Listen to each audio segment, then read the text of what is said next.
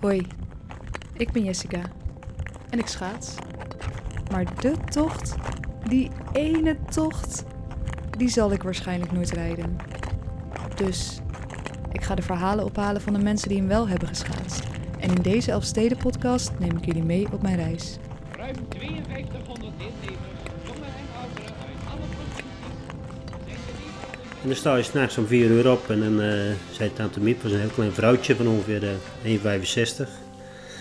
En die had het heel goed mee voor. Dus dan ging je, moest je macaroni eten, zei ze. Dat was goed voor je. Een paar vette eieren erop.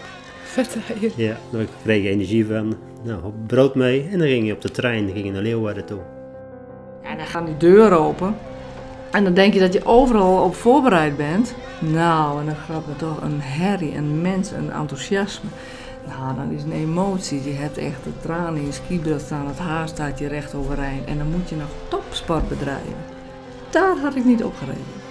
A lot of people recognized Geir and me and in the skating there. So they were like, good luck, come on, it's so great to see you.